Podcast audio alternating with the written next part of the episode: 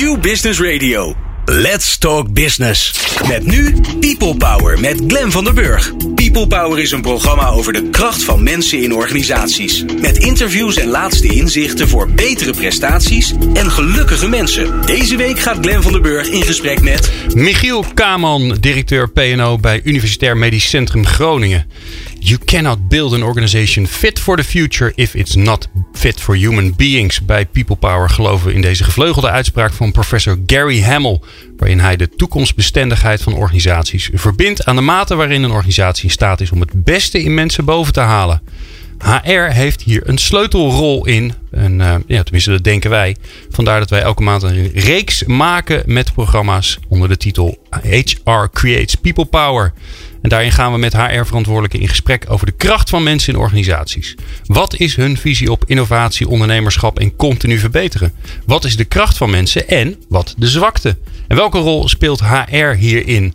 Nou, tot nu toe hebben we al aardig wat HR-baasjes uh, uh, langs uh, gehad hier in de studio. Waaronder Cindy Meervis van Royal Haskoning, Jurgen Wasser van Capgemini, Henk Maas van de ONVZ. En voor de vakantie hadden we Johanne Zuste van uh, Eneco. En vandaag is Michiel Kamer van het UMCG te gast. En de column wordt vandaag verzorgd door mijzelf. Dus dat uh, moest ik. Dat was mijn huiswerk voor in de vakantie. Wil je nou meer afleveringen luisteren van HR Creates People Power? Of wil je zelf in de uitzending komen als HR-verantwoordelijke? Ga dan naar peoplepower.radio en klik op radioreeksen. En nog een belangrijke mededeling voor al onze luisteraars. Vanaf deze aflevering is er geen muziek meer in de podcastversie. Dus als je denkt, hé, hey, ik mis wat, dan klopt dat. Als je live muziek wil in de uitzending, dan moet je live luisteren op maandag tussen 3 en 5. Fijn dat je luistert naar People Power. People Power met Glen van den Burg. Michiel Kaman is de gast. Hij is directeur PNO bij Universitair Medisch Centrum Groningen. En je hoort Pieter Jan de Bree. Want uh, die. En hoe? en hoe? Die, die is uh, zoals altijd weer uh, aanwezig als, als mijn co-host. Um, ja, Michiel, de, de, eerste vraag die, die er gesteld wordt aan alle HR-mensen gaat niet over HR, maar gaat over de organisatie waar jij werkt. Wat is de grootste business-uitdaging van het UMCG? Ja, goedemiddag mannen. Um, de grootste uitdaging, ik denk dat het, uh, er zijn er veel. Maar de belangrijkste is volgens mij de transitie die we maken naar complexe zorg. Daar zijn we natuurlijk in heel Nederland mee bezig. En de academische ziekenhuizen, uh, uh, die hebben de taak gekregen om complexe zorg vorm te geven. En onderzoek en onderwijs. En even voor de leken, complexe zorg. Wat moet ja, ik me dan dus voorstellen? Je zou kunnen zeggen, niet de ingrepen. Ja, wij vinden alle, ik, tenminste, ik vind alle zorg super belangrijk en complex. complex. Maar uh, de dingen die niet zo vaak voorkomen, de dingen waar veel verschillende expertises voor nodig zijn. Uh, de dingen die je niet in een soort straatje kunt plannen. Maatwerkzorg, ingewikkelde operaties. Uh, dingen die nog niet eerder gedaan zijn. Uh, dat is bedacht voor de universitaire centra, maar dat is natuurlijk een enorme omslag. Uh, we zijn een opleidingsziekenhuis, dus moeten mensen blijven opleiden. Maar om even een klein voorbeeldje te geven, als je een aantal zeg maar even basisdingen niet meer doet als ziekenhuizen, maar je bent wel een opleidingsziekenhuis, uh, hoe leren de leerlingen dan die basisdingen? Ja. Dus die richting complexe zorg betekent ontzettend veel voor ons businessmodel, mensen die er werken, maar ook het zijn van een opleidingsziekenhuis. Dus ik denk, uh, daar kan ik een avond over vertellen waarom dat een van de belangrijkste uitdagingen is. Ja, snap ik. Ja, ja want als je inderdaad geen amandelen meer doet, hè, maar even iets te doen waarvan ik denk dat zal wel eenvoudig zijn. Hè. Het knippen de der amandelen. Volgens mij gebeurt het bijna niet meer ondertussen, want is het niet meer zo, is het niet meer zo in. Maar ja, hoe ga je dat dan iemand leren? Precies, ja. precies. Dus dat betekent dat je leerlingen niet meer alleen als ziekenhuis kunt opleiden, maar dat zul je regionaal moeten doen. Hè? Dus uh, okay. uh, uh, OK-assistenten worden ook in de regio opgeleid, want wij kunnen niet alles meer bieden wat een OK-assistent nodig heeft. maar bijvoorbeeld, je kunt je ook voorstellen, de eenvoudige operaties of ingrepen, die zijn uh, financieel allemaal helemaal goed doorgerekend. En dat is een goed verdienmodel, om het zo maar eens even te zeggen. En die complexe ingrepen, ja, dat vraagt gewoon heel veel tijd en kennis van heel veel verschillende specialisten. Uh, en, en, en hoe zorg je dat je daar financieel ook goed voor uh, beloond wordt, zodat je dat kunt blijven doen? Nou, dat zijn om maar even een paar voorbeeldjes te noemen, dat zijn dan het soort uitdagingen waar we tegenaan lopen. Veel paradoxale bewegingen dan in zo'n in zo'n organisatie, ja, volgens mij. Lijkt maar, mij toch? Ja, ik heb wel eens gezegd, mijn werk is, uh, is helemaal niet meer van we moeten links of rechts, maar we moeten schipperen tussen dilemma's. Het zijn ja. allemaal dilemma's de hele dag. Ik, ik denk dat luisteraars dat ook wel herkennen. je moet bijvoorbeeld en dingen uniform doen, want het is belangrijk dat je allemaal hetzelfde doet. En je moet maatwerk doen, want het is heel belangrijk dat je creatieve oplossingen bedenkt. Nou, zo zit het er vol mee. Ja, ja want je maatschappelijke rol wordt groter volgens mij. En, hè, dus de, uh, uh, want dat lijkt me belangrijk. Maar ook je moet nog klantgerichter gaan werken. Dus dat is weer marktwerking. Ja. Nou, die staan ook die, staan niet haaks op elkaar, maar die, die, daar zit wel wat frictie tussen, toch? Ja, ja. en dat is inderdaad uh, en en. Beide zijn, zijn heel belangrijk. Um, maar het is een, een van de mooiste omgevingen om te werken. Uh, in zo'n. Ik, heb, ik ben, zit er nog niet zo verschrikkelijk lang. En het is het is iedere dag weer boeiend om te zien wat voor verschillende types er in zo'n UMC rondlopen. Van Nobelprijswinnaar tot, tot een leerling die net start en die uh, passie voor het vak heeft, maar nog niet precies weet wat hij moet doen. En die lopen naast elkaar. en dat kan allemaal daar. Dus dat is al een. Een je hebt het over contradicties, dilemma's. Dat is ja. ook al. dat is een leer leeromgeving en een prestatieomgeving. Ja. Ook allebei. Precies. twee precies. dilemma's met elkaar. Ja, gaaf. Ja. Even voor het beeld voor de luisteraar. Hoeveel mensen werken er bij het UMCG? Nou, tussen de 12 en 13.000. Uh, dan heb je nog een heel aantal studenten uh, en andere type contracten, zeg maar. Uh, ja, want zitten daar je, je, je co-assistenten in de opleiding, zitten die daar allemaal bij die in? Die zitten daar niet allemaal bij in. Nee. Die komen er ook dus, nog bij? Ja, dus het is een behoorlijke grote groep. Um, en ja, dat betekent natuurlijk ook van alles. En ze komen van over de hele wereld. En dat is ook fantastisch. Ja. Ja. Als je nou naar jouw vak kijkt, hè? Mm -hmm. Als, bij jou heet het volgens mij nog PNO. Ja, ja, ja dat, dat, is wel helemaal uit de tijd natuurlijk. Mooi oldschool. Ja, is het wel. Ja, ja. Je wil even wachten en komt het weer terug. Dan gaat iedereen het weer zo noemen. Ja. Uh, wat is nou de grootste uitdaging voor jou op jouw vakgebied? Als je, als je die, die businessverandering eigenlijk doorvertaalt. Ja, um, ja da daar kan ik eerlijk gezegd niet, gewoon niet eentje noemen. Um, en, en ik heb natuurlijk een paar uitzendingen geluisterd toen ik de vraag kreeg van uh, wil je hier ook langskomen? En dan hoor ik veelal dezelfde dingen naast uh, langskomen. Mensen zijn bezig de basis op orde te krijgen. Ook dat geldt voor ons. Dus uh, goede systemen, zodat je minder met administratie bezig bent, maar meer met regie of advies. dat speelt bij ons binnen HR. Ehm, maar ook ja, HR is een soort cultuurdrager van wat je wil. Hè? Dus de, de brenger van de vernieuwing. En uh, we hadden het net over uh, uh, bijvoorbeeld uniform versus creativiteit. We hebben heel veel creativiteit nodig bij de uitdagingen waar we voor staan.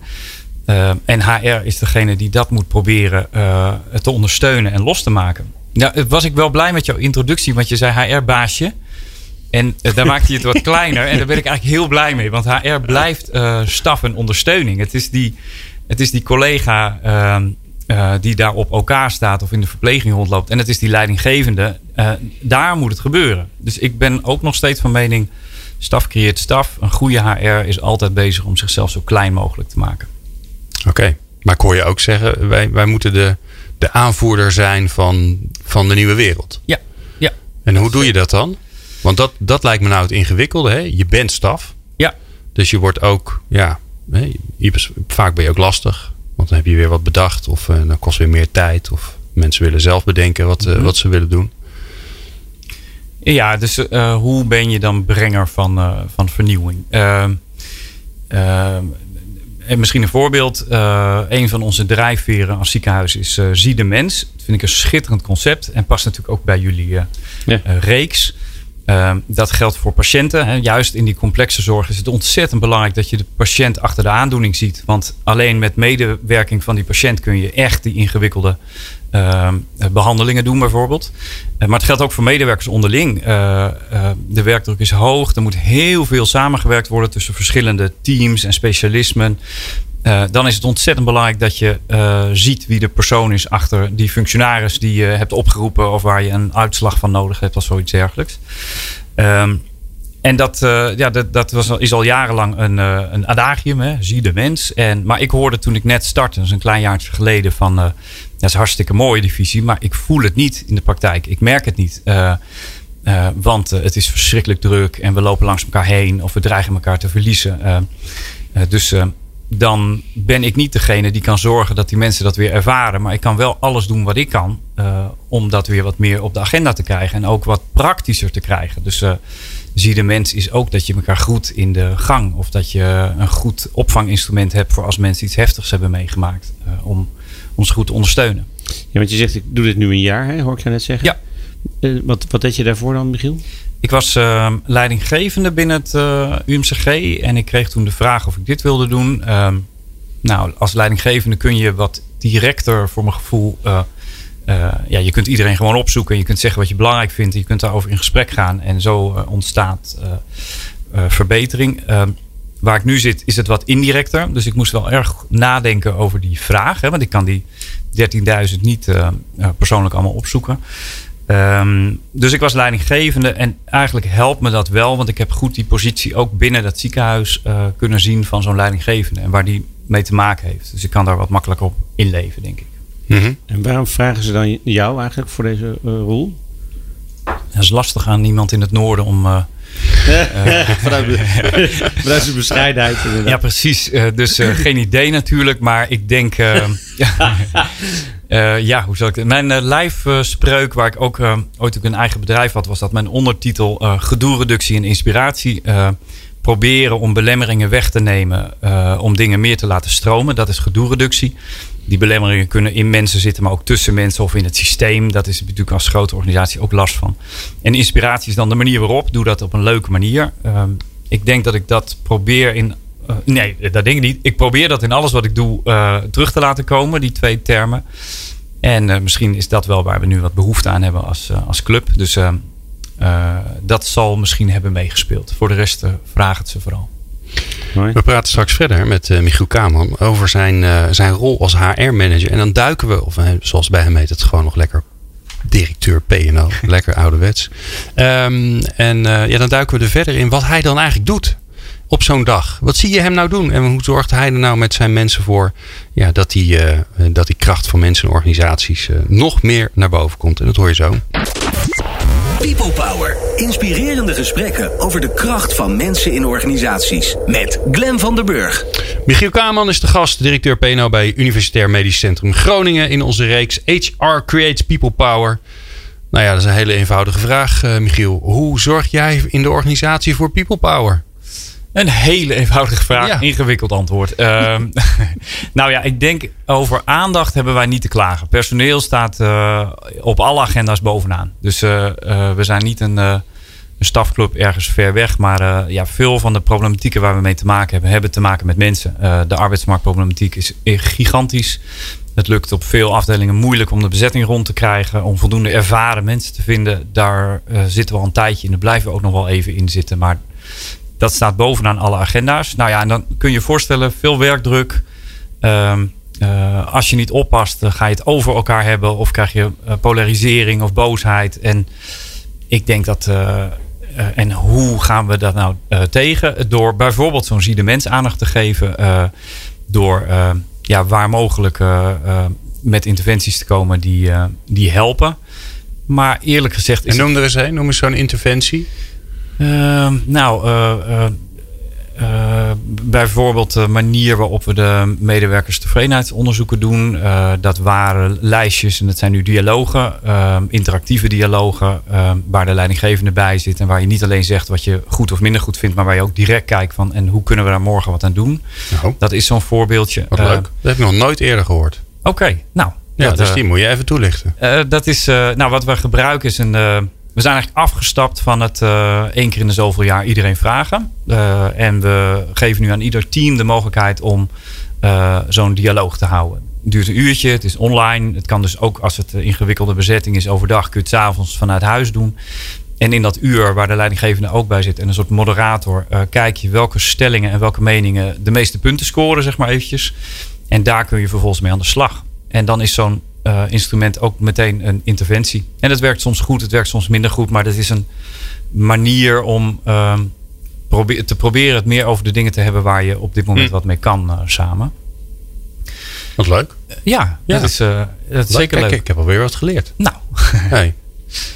Ja, en het grappige is, hè, want daar, daar, zit, daar zit je dus met zo'n tool eigenlijk, met een nieuwe manier van dat doen, zit je ook gelijk naast de leidinggevende. Ja, ja, precies. Want die is erbij. Het gaat ook over hoe is het hier op de afdeling? Hoe werken we met elkaar samen? Ja, het gaat ook over die leidinggevende. Wat hij goed doet, maar ook wat hij niet goed doet.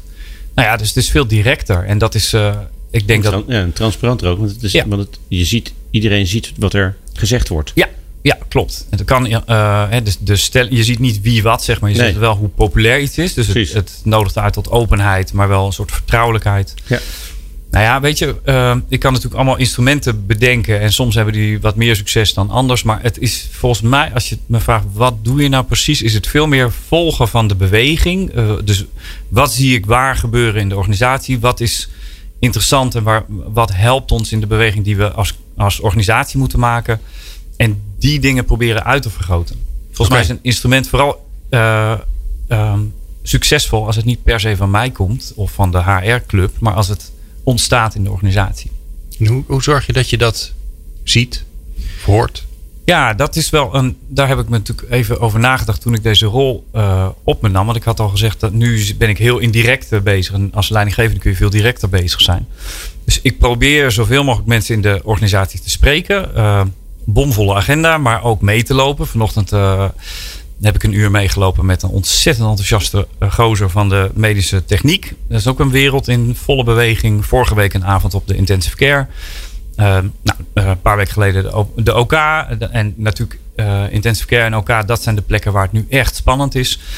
Ehm, en dan probeer ik dus zoveel mogelijk mensen te spreken. Ehm, en voor de rest ben je natuurlijk ontzettend afhankelijk van informatie die je weer van anderen krijgt. Maar je spreekt ze dus niet alleen maar in jouw kamertje, omdat je ze uitgenodigd hebt om eens een keer te horen van iemand op de vloer, vloer hoe het daar is. Je gaat daar naartoe. Ja, want dat gaat veel beter. En de, uh, vorige week woensdag uh, ook. Ja, dat klinkt heel logisch, maar dat is, dat is het niet. Hè? Dat is, dat, ik denk dat iedereen die, dit, die nu aan het luisteren is, denkt: ja, shit, dat moet ik eigenlijk ook vaker doen. Ja, het, het inzicht is ooit ontstaan toen ik bij een adviesbureau werkte. En, en ik zou daar weggaan, maar ik moest nog even één vestiging proberen er bovenop te helpen waar het niet zo goed ging.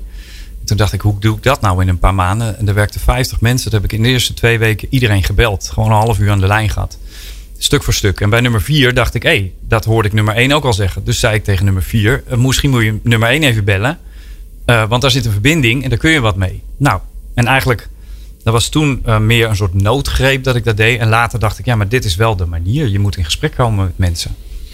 En dat is met een grote club een wat grotere uitdaging dan met een kleine club. Uh, maar het is wel het antwoord, want mensen weten zelf hartstikke goed hoe dingen beter moeten. Ik heb absoluut niet de illusie dat ik dat uh, beter weet dan anderen. En wat is dan je rol? Want je haalt het op ja. heel, op heel, heel, het is wel grappig, want dat is uh, een beetje onze organisatie verandert. Filosofie, dat klinkt heel zwaar. Mm -hmm. Maar de verandering die is er al lang. Hè? Ja. Er wordt overal veranderd. Ergens gaat het al zoals je wilde dat Precies, het zou moeten gaan. Absoluut. Precies. Ja. Uh, maar ja, dan heb je het gevonden en dan? Ja. Nou ja, dan, dan is het uh, ondersteunen eigenlijk. En, en dat geluid wat je hoort op de juiste plek uh, onder de aandacht brengen. Uh, we zijn bezig, ik ben voorzitter van de stuurgroep van een heel groot programma waarin we aan de gang gaan met onze verpleegkundige en klinische ondersteuning. Daar, daar is de problematiek op dit moment heel groot. En we doen er alles aan om te proberen die mensen weer meer positie te geven, maar ook te zorgen dat we meer opleiden, enzovoort, enzovoort. Groot programma, dus allemaal projecten en gedoe en moeilijk. En ondertussen ontstond uit de club zelf het verpleegkundig platform. Gewoon een aantal enthousiaste verpleegkundigen die waren in Amerika geweest. Die hadden daar iets heel gaafs gezien. Die zeiden dat gaan wij ook doen. En uh, dan is de truc, uh, sta open voor zo'n beweging eigenlijk, verpleegkundig platform. En geef hun dat wat zij extra aan platform nodig hebben. Maar vooral blijf er ook vooral af. Ga niet mm.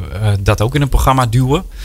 Uh, maar we hebben nu regelmatig contact. En soms kan ik dingen makkelijker doen via ons VIP Co programma, zeg maar, waar, met die stuurgroep. En soms kan ik dingen veel makkelijker en beter met hun samen of alleen maar via hun doen. dus nou, goede filosofie die jullie hebben.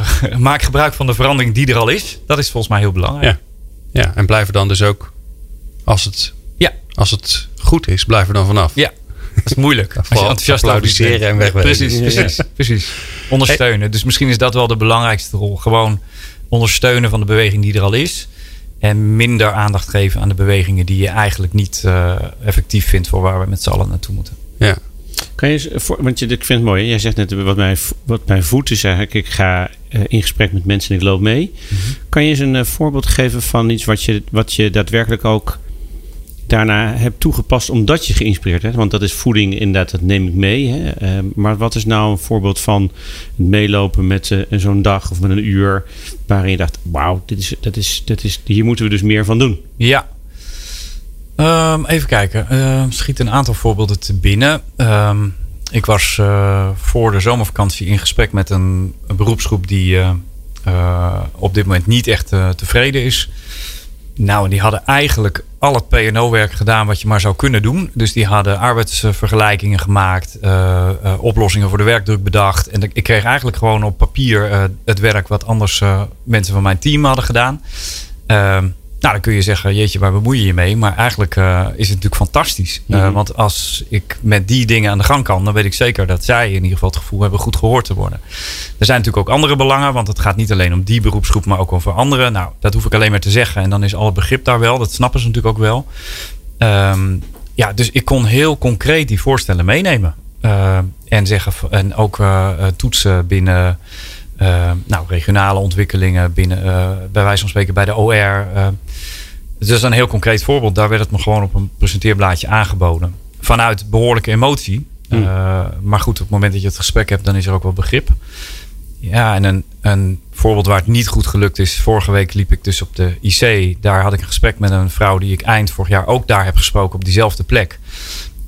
toen ik de eerste keer daar meeliep. En en we constateerden met z'n tweeën dat, we, dat het eigenlijk nog niet gefixt was. Uh, en dat wat wij vorig jaar zeiden, dat we dat nu weer precies hetzelfde zeiden. Dus we hebben afgesproken, de eerste die ontdekt dat de spiraal de goede kant op gaat lopen, die, uh, die mailt de ander. En zo uh, geven we er wel weer een draai aan. Maar het is ook gewoon, ja, het, het is niet zo makkelijk dat, dat je wat je hoort je in één keer kan toepassen. Maar goed. Ja, ja. mooi. Ja, Michiel, de, een van de dingen die je veel hoort in het, uh, in het HR-vak is de, nou ja, zeg maar de stammenstrijd tussen ja, waar is de leidinggevende nou eigenlijk van en waar is, waar is HR van. Hè? Dus ja. aan het ene, ene uiterste van het spectrum heb je de HR-afdeling die zorgt dat de salarissen betaald worden en de CO nageleefd en nou, hè, dat alle, al het administratieve werk gedaan wordt. Maar dat is het dan ook wel. En aan de andere uiterste van het spectrum zijn de leidinggevenden er niet meer. Ja. En, en zorgt HR echt voor af voor de mensen zoals, uh, zoals dat zou moeten. Ja. Waar zit jij? Uh, ik probeer dus, wat ik eigenlijk net al zei, goed te bewaken dat staf niet uh, uh, doel wordt, maar middel blijft. dus ehm, alles wat mensen zelf kunnen doen, komt uit de mensen zelf en is per definitie beter. Dat is een soort, nou, dat, dat is wel een stelregel.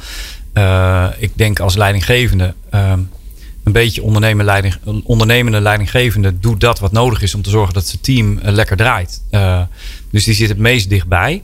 En HR ondersteunt daarbij. En, en de mate waarin je dan dichtbij komt bij die leidinggevende, dat, uh, dat is afhankelijk van wat je ziet gebeuren en wat je ook vanuit je verantwoordelijkheid vindt dat nodig is. Dus je zou kunnen zeggen, in veel ziekenhuizen is de financiële uh, lijn wat te zwaar geworden. En we moeten leren om ietsje minder op die financiën te letten en iets meer op de menskant.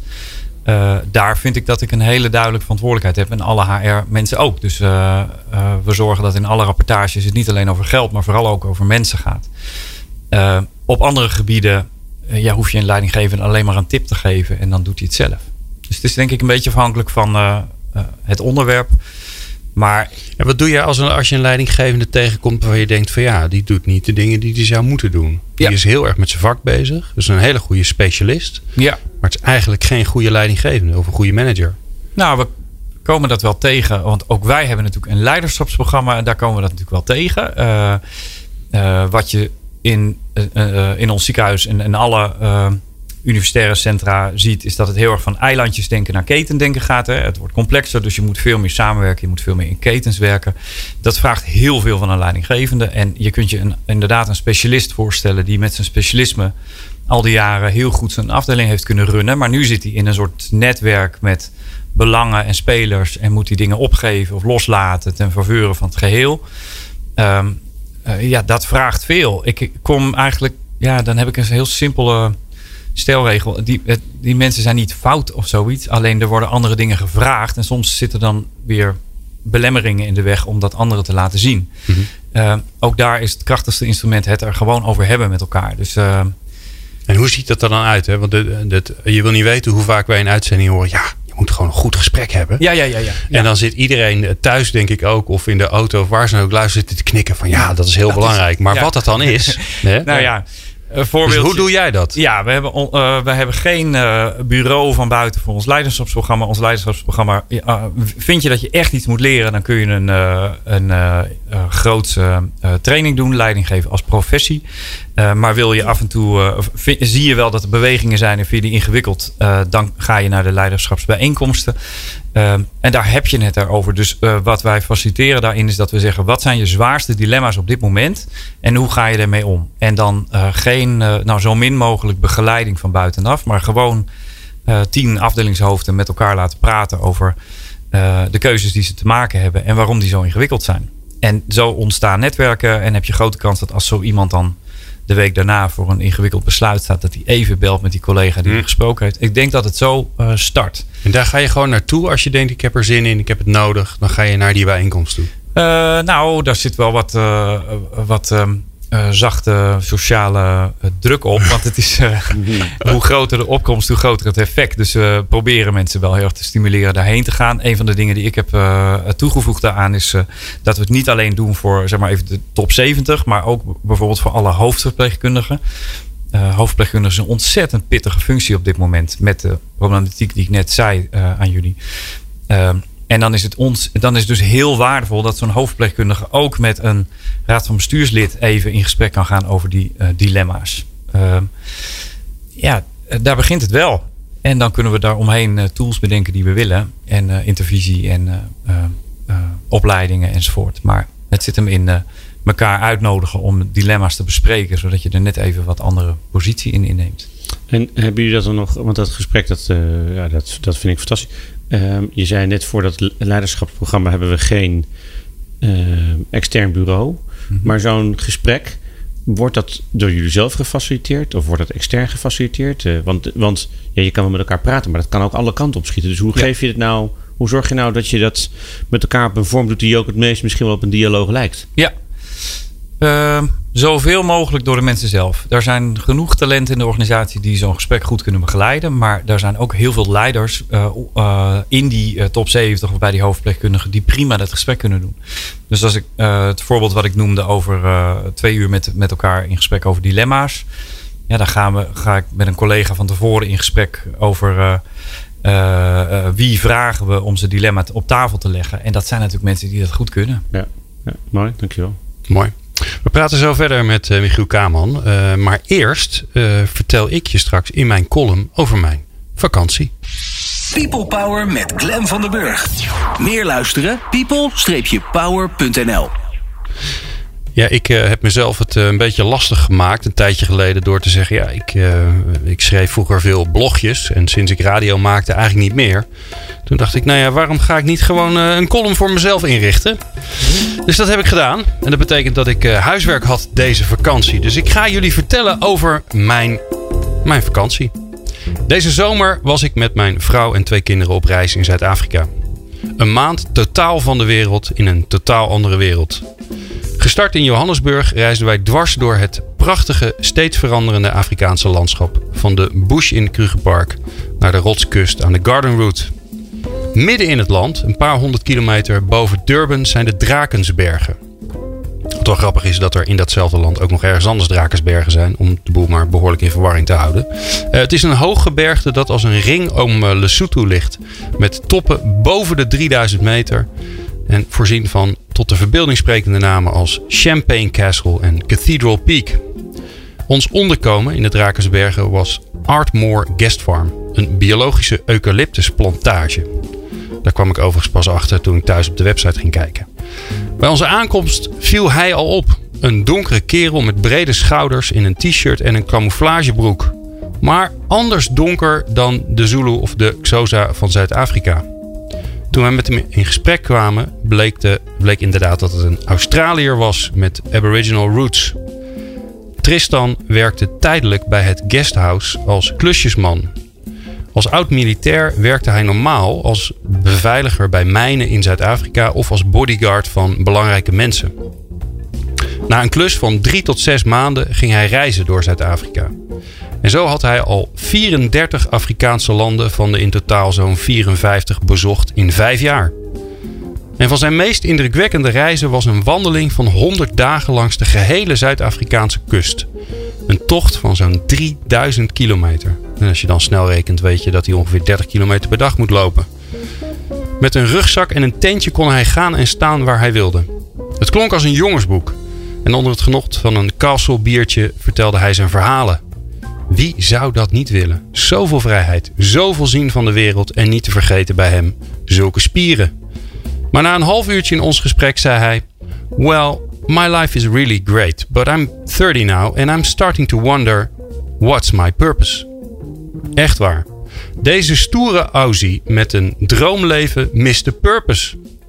En daarmee werd ik te midden van mijn reis, waarbij ik ondertussen geen seconde meer aan mijn werk, mijn radioprogramma of mijn bedrijf dacht, weer met de haren bij dit onderwerp gesleurd. De kracht van purpose. Hoe zit dat eigenlijk bij jou? Heb jij scherp wat jouw bijdrage is door jouw werk? Voor wie jij het werk doet?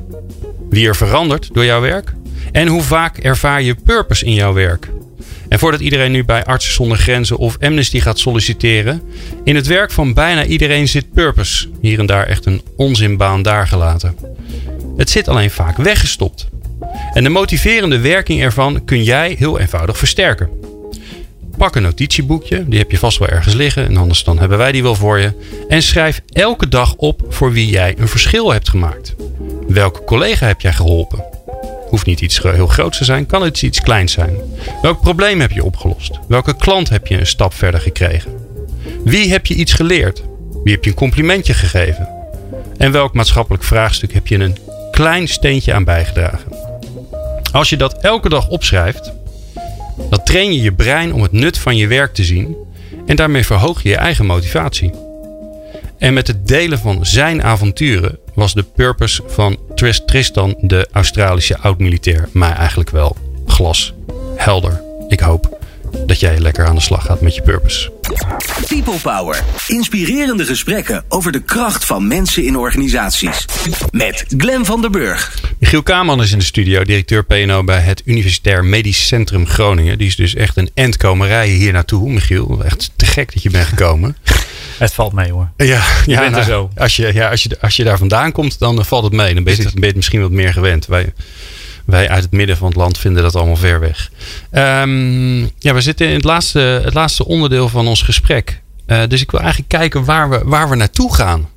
Wat is, uh, ja, wat, is, wat is jouw vergezicht? Als je uh, als, als ja, HR-baas, PNO-baas van, van zo'n grote club heeft, dan net al even 13.000 mensen. Mm Jeetje. Wat is je droomorganisatie? Ja. Nou, um, uh, ja, er zijn heel veel verschillende groepen binnen het ziekenhuis. Hè. Er zijn onderzoeksgroepen en uh, verpleegafdelingen en onderwijs. En het, het dus uh, wat ik zeg geldt echt maar voor een klein, voor een deel van de organisatie. Maar um, zoals ik het ervaar, zitten we nu in een situatie waarin het glas vaak half leeg is. Dus uh, het is pittig, er is werkdruk, het is allemaal nog niet helemaal goed geregeld. Uh, we moeten wennen aan dingen. Um, en als je vraagt naar mijn droom, dan zou ik heel graag dat glas een stuk voller willen hebben. En vooral ook in de, in de perceptie dat glas voller. Dus als we erin slagen om een aantal inhoudelijke dingen met elkaar te regelen en te fixen. Waardoor mensen zich meer op hun gemak voelen. Waardoor dingen beter geregeld zijn. En waardoor ook het verhaal helderder wordt. Zeg maar. Dan kun je ook met z'n allen pittige dingen absorberen. En dan wordt het niet uitgelegd als nog meer dingen de verkeerde kant op. Maar dan wordt het uitgelegd als noodzakelijke dingen de goede kant op. zoiets. Dus mijn droom zit hem in heel veel halfvolle glazen. Of misschien wel hele volle glazen. Ehm, en dat is het belangrijkste, denk ik. Ja, ja. nou heb je een toverstafje. Dat krijg je van mij. Mag je één ding mee doen. En dan is het gelijk geregeld. Morgen. Dan is het zoals je het wil hebben. Of zoals je collega's het willen hebben. Wat doe je dan? Nou, dan ga ik iets heel naïef zeggen. Maar dan zou dat zijn de afspraak dat we vanaf morgen alles bezien vanuit uh, het nog mooier maken van die prachtige organisatie waar we onderdeel van uitmaken. Dus dan Kijk, uh, dat is fokken en zukken. De cultuurverandering start vrijdagmiddag om vier uur. Nee. Daar lachen we altijd hartelijk om. En toch kun je met elkaar, uh, nou zeker met behulp van het toverstafje, kun je afspreken van. En, als we, en als het nou wel kan. Dat dus dan, dat is perceptie. Eigenlijk. Ja, nou ja, het, Want er is niks is fundamenteel veranderd, toch? Dan. Nou ja, ik denk, ik denk dat heel veel mensen precies weten wat er moet gebeuren. Ik denk dat heel veel mensen uh, zich belemmerd voelen om de juiste dingen uh, naar voren te brengen, maar het echt wel weten. Stel dat je er nu tegenaan kijkt van en, en we zijn er allemaal om die club nog mooier te maken dan die al is. Dan komen die goede ideeën vanzelf wel. En wat, en wat maakt dat dan nou eigenlijk? Hè? Want hier heeft natuurlijk iedereen last van. Mhm. Wat maakt het nou in een organisatie dat dat niet gebeurt? Dat mensen met goede ideeën, ideeën hoe dingen anders beter kunnen, daar niet mee komen, er niet op acteren. Ja, uh, en soms zelfs het tegenovergestelde zelfs doen. Ja. De hak in het zand zetten. Ja, dat is natuurlijk heel ingewikkeld. Ik denk dat, dat uh, heel veel mensen er wel mee komen natuurlijk. Maar uh, wat weerhoudt je? Nou ja, dan als ik dicht bij mezelf blijf. Als ik mij in een bepaalde omgeving wat ongemakkelijk voel of onveilig voel. Dan ga ik niet alles zeggen wat ik denk dat moet. Dan ga ik kijken wat anderen vinden. En dan praat ik daarop mee bijvoorbeeld. Dus nou, daar heb je er alleen te pakken. De belemmeringen die in jezelf zitten. Omdat je je niet helemaal veilig of vertrouwd voelt. Of omdat je je kleiner maakt dan nodig is. Um, en dat is nog, misschien nog wel de, de makkelijkste, want die zit bij iemand zelf. Maar dan heb je natuurlijk in grote organisaties ook veel afstand. Uh, als je als uh, medewerker. Nou, vanochtend bij die medische techniek. Uh, een, een, jongen die in de kelder uh, van het ziekenhuis de meest fantastische dingen doet. maar die zegt: Ja, ze zien het niet altijd wat ik doe. en toch probeer ik zoveel mogelijk wel mensen te betrekken. Maar nou, dus afstand, belemmeringen, dat soort dingen. Dat maakt dat het ontzettend ingewikkeld is, denk ik. Ja. Dan gaan we naar, terug naar vandaag. Nou, misschien morgen. Of misschien ga je vandaag nog wel doen, dat weet ik eigenlijk niet. Wat, wat zie ik jou doen wat, wat daar naartoe leidt? Wat ervoor zorgt dat mensen zich comfortabeler voelen, het grote plaatje zien, uh, de verbinding opzoeken met collega's in plaats van zeggen ja, zij van radiologie die zijn altijd te laat.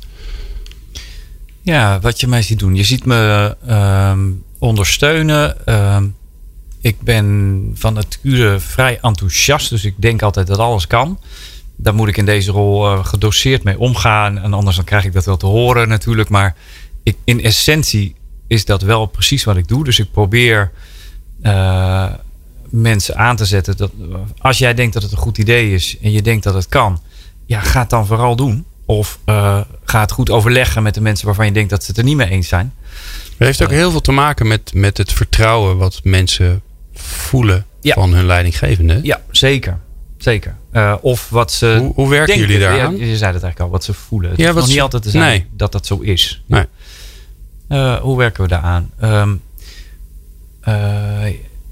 ja, nou, ja, daar hebben we het net een beetje over gehad qua bijvoorbeeld zo'n leiderschapstraject. Of maar het, het, zit hem ook veel in consistente lijn. Als mensen de afgelopen tien jaar steeds te horen hebben gekregen: sorry, als het niet in je begroting past, kun je het niet doen. Ik zei al, de wind is wat anders gaan waaien. Het gaat nu nog veel meer dan ooit over mensen. Dus misschien moet je niet alleen maar kijken of het kan in je begroting, maar vooral of je team er beter van wordt.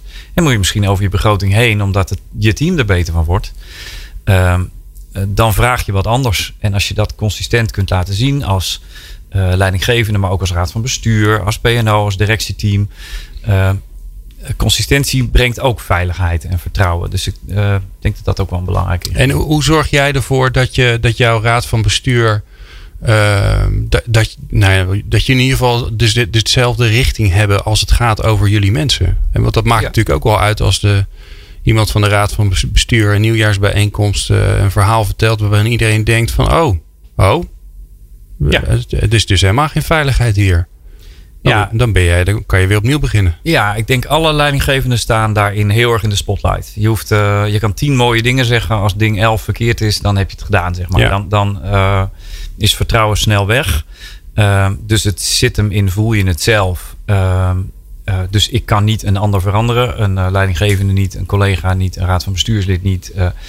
het moet vanuit hunzelf komen. Ehm, en daar kom je door de juiste dingen op de agenda proberen te krijgen, de juiste gesprekken te voeren, uh, vragen stellen, veel vragen stellen. Uh, goh, wat doet het jou dat je merkt dat mensen het vertrouwen af en toe verliezen of dat mensen de verbinding een beetje kwijtraken of dat soort. Hm.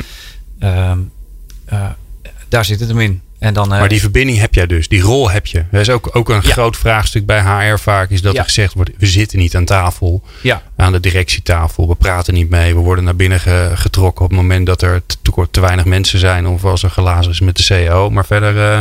Nee, ik denk het zeker. Ik, ik denk dat we, we hebben een mooi, uh, zeg maar, integraal uh, directieteam waarin ook de ICT-man iets kan zeggen over de personeelstekorten en andersom. Uh, dus wij werken daarin uh, integraal. Uh, de verbinding naar de Raad van Bestuur is ook direct. Dus ja, en ik denk ook, ook de OR en leidinggevende. De, de afstanden zijn relatief klein. Mm kan nog veel beter volgens mij. want we blijven een grote club. En voor je het weet zie je iemand de hele tijd niet. Dan ga je over die persoon praten in plaats van dat je hem opzoekt. Maar ja, daar heb ik niet echt over te klagen. Nee, nee dus dat is je gelukt. Nou, de verbinding is er. Die was, die was er al. Ja, het is gewoon niet meer dan normaal. Ja, dat, ik vind het niet meer dan normaal. ik heb erin geprobeerd bij te dragen, maar dat zit natuurlijk nooit aan mij vast. Dat zit aan de hele club. Ja. Wij uh, denken, weten en hopen, en dat, en dat allemaal tegelijk, dat uh, na, na dit, dit soort programma's veel mensen uit de HR-wereld luisteren. Heb je nou nog een, iets, iets, een stichtelijk woord waarmee je, waarmee je ze naar huis wil sturen? Want het uur zit er bijna op. nee, geen stichtelijke woorden. Dat, ik, ik denk wat mij zelf altijd veel gebracht heeft, is uh, gedoereductie en inspiratie. Dus als ik uh, er zelf even niet uitkom, of als ik denk, hoe gaan we in godsnaam nou hier weer een stapje in verder komen, dan probeer ik aan die twee dingen te denken. Dus welke belemmeringen zitten in de weg? Hoe los ik die op? Uh, dat is gedoereductie. En hoe maak ik dat ook nog een beetje leuk? En dat is inspiratie. Uh, uh, dus uh, alleen omdat je het vraagt, zou dat, mijn, zou dat mijn tip naar anderen zijn. Van, kijk ook daarnaar. Ja. We worden heel erg uitgedaagd om dingen netjes en formeel en via allerlei systeemwereld dingen te doen. Maar het gaat volgens mij daarover. Ja, en zeker dat eerste volgens mij. Hè, want dat, dat valt mij altijd op als ik met HR-mensen praat. Die zijn, die zijn op een of andere manier gek van instrumenten en tools en, en, en allerlei dingetjes. Mhm. Eh, die allemaal hartstikke mooi zijn. Um, maar volgens mij het weghalen van gedoe voor mensen. Zodat ze gewoon meer tijd hebben om te doen wat zij belangrijk vinden. Ja. Daar zit wel echt een hele, een hele goede in. Heb je één mooi voorbeeld van wat je gedaan hebt om, om, om rommel weg te halen? Uh, we, we, stellen onszelf de vraag of we nog wel zo vaak naar elkaar moeten rapporteren en wie die rapportages eigenlijk leest. Uh, dat gaat niet alleen over PNO-gerelateerde dingen, dat gaat ook over kwaliteit en financiën. Hm. Nou, dat vind ik een hele prettige vraag. Uh, want ik vind het zelfs ontzettend moeilijk om die stukken allemaal door te lezen. maar ik denk dat iedereen dat vindt, alleen we zeggen dat niet zo vaak. Um, en je hoeft niet misschien, uh, nou, bij wijze van spreken, niet drie, maar twee keer per jaar zo'n riedel te doen. Of misschien hoef je hem helemaal niet te doen. Um, dat vind ik een voorbeeld. Dan stel je ter discussie van, is het eigenlijk wel wel nodig? En heeft het ook het effect wat we beogen met elkaar? Mooi.